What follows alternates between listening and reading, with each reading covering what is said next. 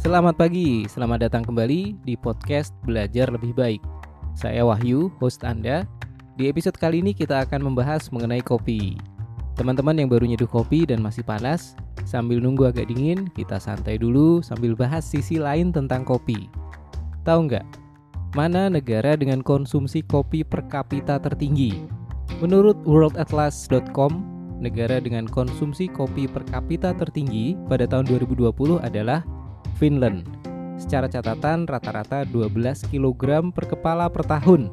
Bayangin, jadi rata-rata per bulan 1 kg kopi, bukan kopi campur ya. Kalau tidak dihitung anak-anak dan orang yang nggak ngopi, berarti untuk orang yang minum kopi itu lebih dari 1 kg per bulan. Mantap. Urutan berikutnya adalah Norway, 9,9 kg dan berikutnya ada Iceland, 9 kg.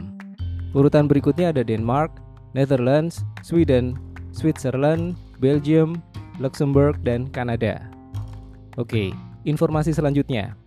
Tahu nggak, negara dengan happiness index tertinggi alias negara yang paling bahagia warganya?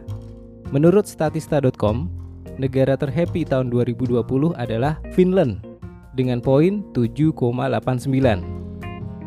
Selanjutnya ada Iceland, Denmark, Switzerland, Netherlands, Sweden, Germany, Norway, New Zealand, dan Austria.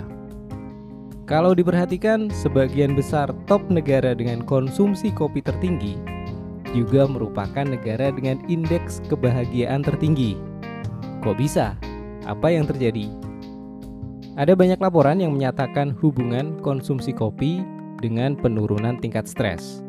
Ada laporan dari Seoul National University di Korea menyatakan bahwa bahkan baru aromanya saja dari kopi yang baru diseduh itu sudah bisa mengurangi efek stres dari kurang tidur.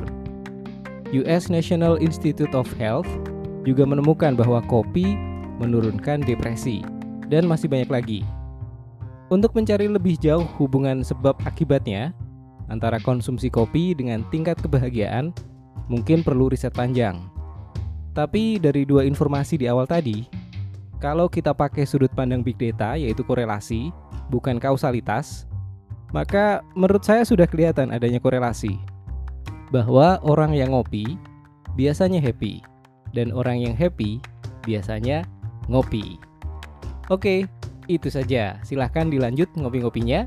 Stay safe, stay healthy, tetap semangat. Sampai ketemu di episode berikutnya. Bye.